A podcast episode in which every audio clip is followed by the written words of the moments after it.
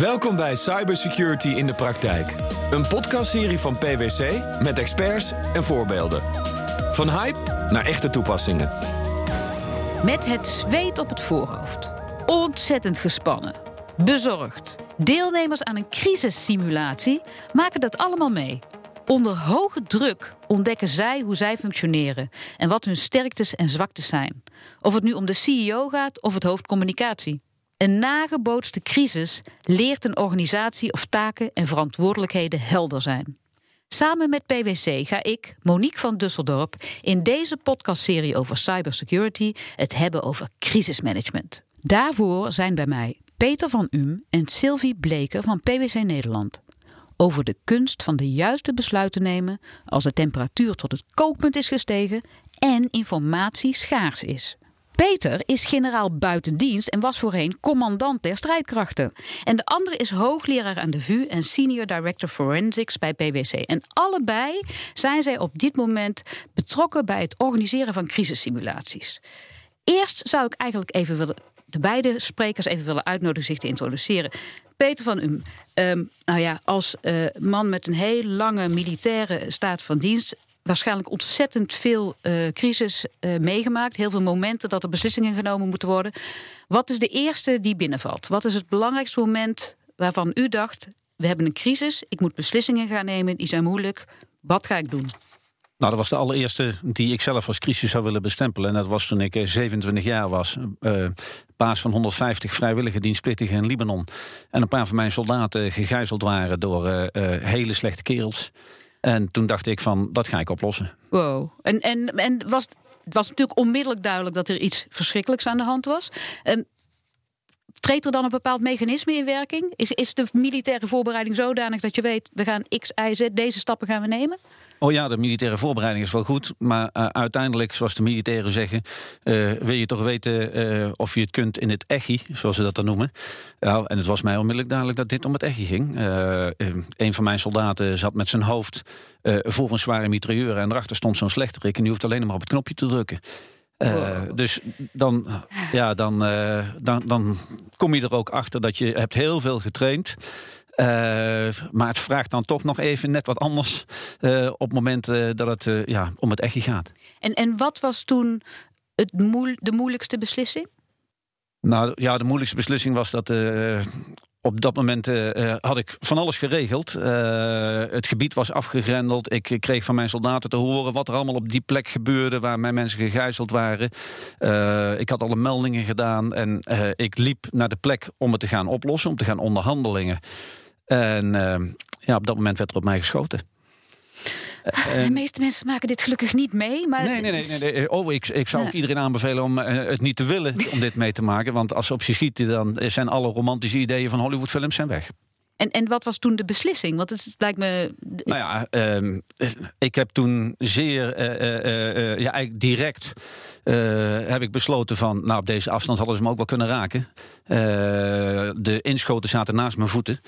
En ik ben gewoon doorgelopen, want ik, ik besloot dat ze mij probeerden te intimideren. Geen gebrek aan leiderschap op de 27e. We kijken even naar een hele andere kant van uh, crisiszaken. Sylvie Bleker, die vooral betrokken is bij hele grote crisis in bedrijven. Bedrijven waarvan alles misgaat. Wat was in uw lange carrière op dit gebied het voorbeeld waarvan u denkt van... ja, dat was echt een hele grote crisis, ik moest dat oplossen, dat waren moeilijke beslissingen?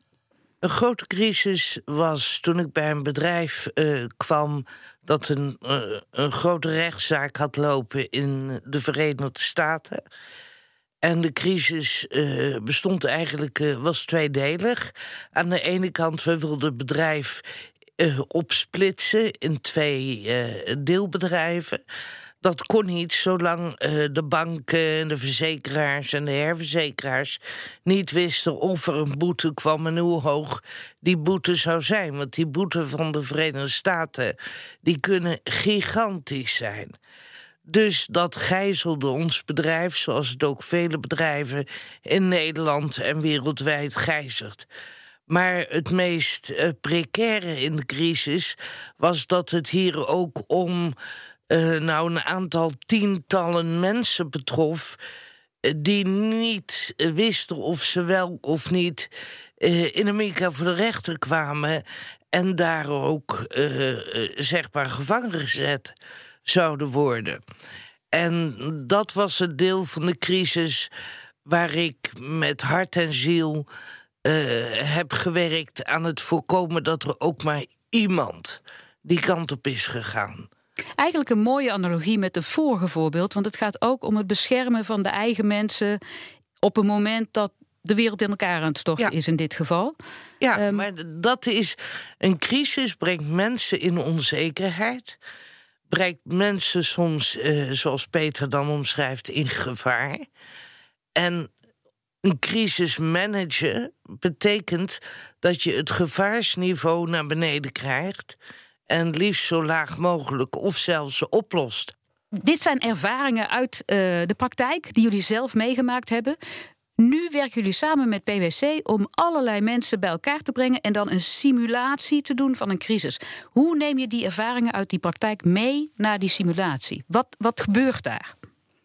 Nou, in die simulatie daar brengen we op verschillende manieren brengen we mensen uh, in een crisissituatie. Uh, je, je kunt dat gebruiken om een, een boord, een raad te oefenen. Je kunt het gebruiken om een, een niveau van leidinggevende te oefenen. je kunt het ook gebruiken om je procedures te testen. en wij brengen mensen daar in een veilige omgeving, want dat is natuurlijk heel mooi, in een virtueel bedrijf brengen we in een crisis. Dus je kunt daar ongestraft fouten maken, om het zo maar te zeggen. En uh, uh, Sylvie uh, en enkele mensen van PwC en ik kijken dan van wat doen jullie? En wij brengen dan onze lessen die we eerder al geleerd hebben, brengen we in. Maar we laten mensen ook wel de ruimte om het op hun manier te doen en te leren van wat ze goed hebben gedaan en van wat ze fout hebben gedaan. Dus ze zitten bij elkaar. Ehm, ze, moeten, ze krijgen allerlei informatie over de crisis die op dat moment op handen is. Ze moeten daarop reageren, ze moeten overleggen, ze moeten beslissingen nemen. Ik kan me voorstellen dat als je een militaire achtergrond hebt, dat een van de eerste zaken die geobserveerd wordt, is dat de takenverdeling niet duidelijk is. Nou ja, um, volstrekt, volstrekt, helder. Ja. Uh, natuurlijk kijken we daarnaar. Uh, want uh, je kunt de taken nog zo goed verdelen. Maar als er geen rust is, dan moet je niet denken uh, dat op de juiste informatie de juiste besluiten worden genomen. Uh, dus het begint al met gewoon te kijken van hoe gaat het hier?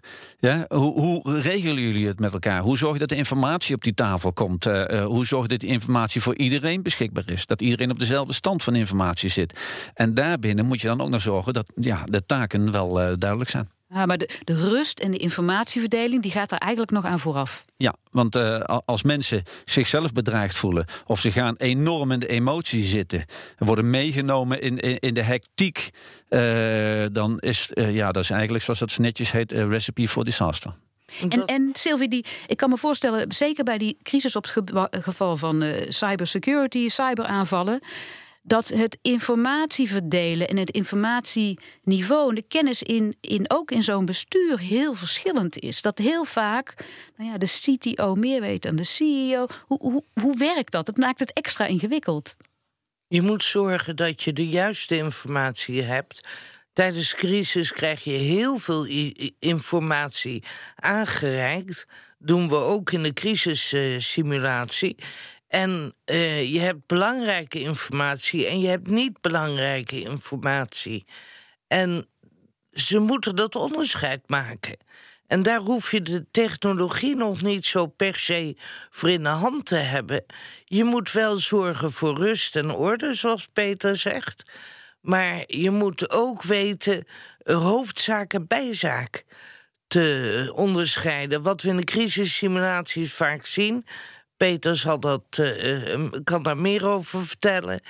Is dat uh, mensen als een kip zonder kop met hun deeltje van de informatie die ze is aangereikt gaan rennen. En, en wie beslist wat belangrijke informatie is? Dat beslist uiteindelijk de CEO, maar in de crisissimulatie beslist het bestuur dat gezamenlijk. En de CEO zou, als het wel handig is, dat besluiten nadat hij zijn mensen gehoord heeft. Dat hij alle informatie, in ieder geval de, de, de beschikbare informatie, uh, tot zich heeft genomen. Ja, Monique, jij, jij praat uh, al onmiddellijk in de richting van cyber. Ja, je ziet toch dat heel veel bedrijven, als ze over crisis denken, onmiddellijk aan cyber denken. Uh, moet wel helder zijn, er kunnen ook andere oorzaken voor een crisis zijn. Maar ja, in een crisis ben je heel erg afhankelijk van data. En organisaties zijn tegenwoordig natuurlijk ook allemaal heel erg afhankelijk van data. Dus uh, ja, als je over crisismanagement praat, hebben mensen vaak toch cyber als eerste op hun uh, voorhoofd. Ja. Zijn er bijzonderheden die het toch onderscheidend maken als er sprake is van een, een cybercrisis. En dan noem ik even een, een aanval van buiten die bijvoorbeeld alle systemen platlegt. Dat is een van de, de grootste nieuwe dingen van deze tijd. Dat het zomaar kan. Het kan door criminelen gebeuren die je doel vastleggen en geld willen. Het kan gebeuren omdat de systemen in elkaar klappen, wat dan ook. Is daar iets bijzonders aan de hand wat nieuw is in hoe je zo'n crisis moet beheren? Onze, ja, de, onze hele samenleving is compleet afhankelijk van uh, de nieuwe communicatietechnologie. Uh, van het internet, data, data, data. Daarmee zijn we ook heel kwetsbaar geworden. En die kwetsbaarheid, dat is nieuw. En we vinden onszelf technologisch heel goed ontwikkeld en zijn we heel trots op. Dat zijn we helemaal niet. We moeten ons realiseren dat al die data, al die technologie een extra bescherming nodig heeft. En dan pas kun je een crisis beter te lijf gaan. Excuse me, het is niet netjes, maar ik zeg het toch: shit happens. Dus een crisis ook. Maar hier is crisissimulatie nog belangrijker, omdat je dan leert hoe je heel snel de juiste acties kunt nemen. Terwijl als de crisis echt gebeurt en je, hebt niet, je bent niet voorbereid, dan zit je met je handen in het haar van: Oh god, wat nu? Ja. Maar je hebt het al een paar keer gedaan. Je weet wat je moet doen. Ja, en als we naar cyber kijken, um, omdat we zo afhankelijk zijn van onze systemen en onze data, is een cyberattack heel snel ontwrichtend. Voor jou als bedrijf of organisatie. En uh, omdat het in die IT-wereld zit, uh, zie je dat het heel vaak uh, al naar buiten komt. sneller dan jij misschien zou willen. En het heeft vaak effect op jouw informatiestromen. Ja. Dus los van het technische probleem kan het ook zijn dat de dingen die jij normaal gebruikt in de informatiekanalen, dat die ook stilvallen. Dus het is wel complex. Oké, dus laten we eens even zo'n zo'n voorbeeld nemen. Die mensen zitten rond die tafel, hebben allerlei informatie gehad, zijn, beginnen al in paniek te raken, weten eigenlijk niet zo goed wat ze moeten doen. Hoe begeleiden jullie ze dan naar de stappen die ze moeten leren om dit de volgende keer, als het echt is, wel goed aan te pakken? Wat, wat, wat, wat kan je ze geven om ze dat te leren? Uh, laten we beginnen met het makkelijke deel. Ja, dat is hoe organiseer je dingen in, rondom een crisis? Dus hoe organiseer je dat de informatie aan de tafel komt? Hoe organiseer je dat de informatie makkelijk om een tafel gaat? Uh, gewoon een heel simpel ding. Uh, wij zien nog steeds dat crisisteams die komen binnen, iedereen gaat zitten. Men denkt niet na over wie het beste op naast elkaar kan zitten. Ja, Oké, zelfs zo basis is ja, zo, zo bazaal is het wel. Ja. Uh, wij zijn zo ondeugend om in die simulatie mensen dat zelf te laten uitvinden. Oké, ja. Want ja, van je eigen fouten leer je toch het beste. Uh, Dus dan uh, spelen we een dag van die simulatie en daarna pakken we ze op en dan geven we ze een paar hele handige tips over van, kijk, zo zou je het leven in die crisis al een stuk makkelijker maken en zou je uh, voor jezelf de informatie beter kunnen delen en kun je dus ook tot betere besluiten komen. Is het op het moment dat zo'n crisis plaatsvindt, wordt de hiërarchie die normaal gesproken bestaat in een bedrijf dan doorbroken, doordat er mensen zijn die veel meer kennis hebben dan anderen, hoewel ze niet in het bestuur zitten? Ja, Monique, noem je iets heel moois. Wat normaal gesproken in het bedrijf zit. In een crisissituatie zie je dus alle mechanismen die er voorheen in het bedrijf waren, zie je vaak harder terugkomen. Want eh, in de boord weet, eh, nou laat ik uh, geen, geen functionaris noemen, maar de ene functionaris weet bijvoorbeeld, ja, maar de vorige keer heb jij mij volledig overroeld. En die zit nog met een stukje nou, ergernis, misschien wel rancune. En in een crisissituatie zie je dat soort dingen vaak naar boven komen. Als dat soort ja, sociaal-psychologische effecten duidelijk worden bij de mensen, ben je daar de volgende keer beter tegen gewapend. Dus het normale ja, wordt soms enorm uitvergroot in een crisissituatie. Een soort crisistherapie die daar gegeven wordt. Ze moeten over zichzelf heen stappen om Ja. te kunnen beantwoorden aan wat er echt aan de hand is. Vertel, Sylvie. Eh, even zeggen dat zo'n dag duurt 20 minuten. En we spelen een aantal dagen in een sessie van ongeveer drie, vier uur. Wat je ziet is dat zeker die eerste dag van 20 minuten... daar lopen ze toch vaak als een kip zonder kop eh, rond... om te kijken wat is er aan de hand. Uh, maar we hebben daar ook leiders gezien... die gewoon vrij vlug na die eerste 20 minuten de leiding pakken... Dus dat is, uh, dat is echt een voordeel waarmee ze verder kunnen. En, en weet wel, de crisissimulatie is maar een klein ding binnen het geheel van wat we aan crisis doen. Maar je moet voorbereid zijn. De brandweer oefent. Militairen oefenen. Hoeveel is het? 90 procent? Ja, het grootste deel van, de, tijd, wordt er geoefend. Want uh, als het uh, echt moet gebeuren, dan moet je terugvallen op de dingen die je geleerd hebt. Uh, en moet je blindelings op elkaar kunnen vertrouwen. Als je kijkt naar cybercrime, hacking, grote aanvallen op systemen van bedrijven, dat, dat levert behoorlijke crisis op in het bestuur. En daarbij is de communicatie naar alle betrokken partijen extreem belangrijk. Welke grote fouten zien jullie dat mensen maken?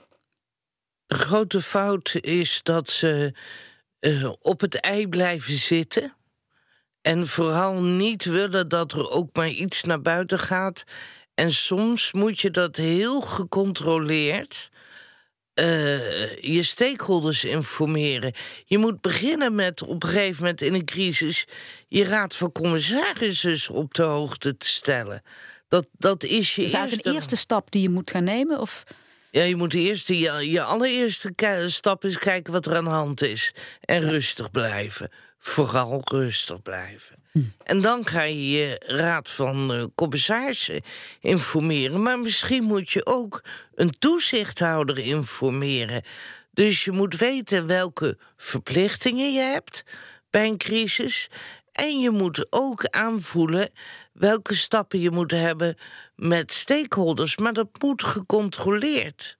Als je helemaal niets zegt en je bent bijvoorbeeld niet bereikbaar door een, uh, laten we simpele nemen, een DDoS-aanval. Of uh, je hebt een ziekenhuis in Noord-Holland waar alle afspraken afgezegd moeten worden door een computerprobleem. Die hebben nu echt een crisis. En die proberen dan via de radio mensen te bereiken om te zeggen: jongens, alle afspraken zijn voor vandaag afgezegd. Als je in een crisis komt, dan uh, zijn er een paar constanten. En die gaan ook over, over de communicatie. Allereerst moet je je realiseren dat de eerste melding nooit compleet en waarschijnlijk ook nooit juist is. Ja. Uh, dus kijk uit met die eerste melding gelijk als een feit aan te nemen. Want uh, de mensen die dat melden zitten waarschijnlijk in de stress. Die constateren dat er iets aan de hand is, weten nog niet het fijne en melden naar boven dat er iets aan de hand is. Als je dus op die eerste melding gaat acteren, heb je al een grote kans dat je uh, de verkeerde kant op gaat dan moet je je beseffen dat je bij de feiten moet blijven. En dat, het klinkt zo logisch, maar door de druk die erop ligt, gaan mensen springen op uh, de informatie die ze hebben, kijken niet meer of het de juiste informatie is. Dus check je feiten en pas als je je feiten rond hebt, dan ga je communiceren. En dat wil niet zeggen dat je alles moet weten, maar wat je communiceert is wel gebaseerd op feiten. En besef je dat tegenwoordig alles uitkomt. Dus die communicatieadviseur die zegt van wij zeggen lekker niets. Nou, die is alleen maar bezig om uh, de ramp groter te maken. Ja, nou ja, en tegenwoordig heb je natuurlijk de hele sociale media, de eigen werknemers, uh, de klanten, de relaties die ook beginnen te communiceren online. Dus een crisis is meteen heel breed aanwezig. Juist, maar daarom, daarom, werd eerder door Sylvie het woord stakeholders ook genoemd. Je moet beseffen, dat, wie zijn jouw stakeholders uh, van jouw bedrijf, jouw organisatie? En je zult moeten kijken, uh, wie ga ik informeren? En daarbij moet je je beseffen dat interne communicatie is externe communicatie. Want wat je tegen je personeel zegt, komt op, uh, uh, gaat naar buiten. En wat je naar buiten zegt, raakt je personeel. Je hoeft niet dezelfde woorden of de, precies dezelfde boodschap, maar de, de inhoud moet uiteindelijk wel met elkaar matchen. Ik kan me voorstellen dat dat, dat stuk van uh, beheersen van de crisis eigenlijk heel makkelijk in een aantal protocollen is vast te leggen. Op het moment dat we zo'n aanval hebben, moeten we die informeren, dan die moeten we op deze manier het publiek bereiken. Hebben veel bedrijven daar een soort plannetje voor? Maar Monique, daar, daar sla je de spijker op de kop. Want jij zegt, waar moet je beginnen als je een crisis hebt? Maar dan ben je al te laat. Ja. ja. Je moet in je eh, dagelijkse eh, bedrijfsvoering moet je nadenken over welke bedreigingen zijn er. Dan moet je gaan kijken van wat is de kans dat die bedreiging kan plaatsvinden en wat is de impact van die bedreiging. Dat bepaalt of je erop eh, op gaat acteren van tevoren of niet. Ja? Dus kans plus impact. Daar bouw je dan protocollen op. En maar je zegt ook van een aantal van ja, die kans is zo gering. eh, daar gaan we niet op acteren. Daar gaan we van tevoren niks op doen. Dus je moet aan de voorkant al nadenken over welke bedreigingen hebben, welke maatregelen kunnen we nemen. En als er dan een crisis ontstaat, dan heb je in ieder geval iets waar je op terug kunt vallen. En een van de belangrijkste dingen als een crisis komt, is dat je bepaalt dat er een crisis is. Want in een heleboel Ja. bedrijven heeft men best crisismaatregelen. Maar als je geen besluit neemt dat er een crisis is, worden die crisismaatregelen niet eh, in gang gezet. En loop je dus al eh, nog verder achter de wagen aan. Dus het begint eigenlijk met erkennen, we hebben een probleem en het is Ja. niet op te lossen. Want de, CEO zal als eerste proberen om, we gaan dit even oplossen, dan is het weer weg. Dat lukt dus niet meer. En dat moment moet vastgesteld Het ontkennen worden. van het probleem of de crisis eh, is een veelgemaakte fout. Er is één vorm van crisisoefening die bedrijven wel hebben. En dat is eh, het, het field-protocol. Wat te doen als de field invalt. En dan zie je dat de receptioniste een rol toegewezen krijgt om eh, de mensen van het field naar de juiste plaats te brengen, de advocaat, de directeur te informeren, et cetera. Maar eigenlijk, eh, dat is in het kader van mededinging vooral en eh, belasting. Maar eigenlijk zou je dus willen dat ze op het gebied van crisis in het algemeen ook eens gingen werken aan wat doen we als puntje bij paaltje komt. En er zijn natuurlijk een heleboel verschillende vormen van crisis. Misschien kan ik een voorbeeld geven van een van onze grootste afnemers op eh, het gebied van eh crisissimulatie. Dat is een wereldwijd technologiebedrijf. En eh, die willen alleen maar crisissimulatie. Helemaal toegespitst op hun bedrijf. En wat ze dan ook willen, bijvoorbeeld, we hebben toen de situatie gehad dat hier bij de VU in Amsterdam, dat het de water stond. Ja, en overstroming. die eh, hebben ook gezegd, wij willen ook dat soort dingen oefenen. Dus eh, ze hebben ons gevraagd alle doemscenario's van de IT met hun te verwerken. Ja, en dan, en dan werken we dus met hun protocollen. Ja. eh, die ze dan gelijk kunnen toetsen. eh, van zitten daar nog eh, gaten in of kunnen we daar nog verbeteringen aanbrengen? Ik kan me voorstellen dat je daar eh, ook veel fantasie bij kan gebruiken om te kijken wat er allemaal mis kan gaan. Ik bedoel, die eh, aanvallen op eh, energiecentrales en de ransomholding op ziekenhuiscomputers. En de wereld eh, biedt ineens een heel nieuw scala aan crisis. Ja, ja het, het is heerlijk om zo'n legitieme ziekengeest te mogen hebben. Het helpt om te kunnen het nadenken helpt vanuit die bedrijven, het helpt die, die, die, die managers, die leiders. Eh, om- de volgende keer scherper te zijn. Als je getraind bent, sta je toch de volgende keer als het echt gebeurt, sta je beter in de wedstrijd. Eh, we gaan eh, het, het is gesprek al bijna afronden. Het is super interessant natuurlijk om te horen hoe dit werkt en hoe deze crisissimulaties zo'n belangrijke rol kunnen spelen in het voorkomen van eh, grote ellende. Wat is het allerbelangrijkste in die crisis die zeker gaat komen? Ja, wat mij betreft, wees erop voorbereid. Dus train je mensen, zorg dat je protocollen op orde zijn. Want eh, eh, zoals Sylvie al zei, shit happens, it will come. En laatste En- advies van Sylvia, ja, die shit happens. Ja, maar zie crisis niet als een bedreiging, maar als een groeispurt. Een hele bijzondere groeispurt voor een bedrijf. Doet altijd pijn als je weer een stukje groeit. Maar het is pijn waardoor je sterker en groter wordt.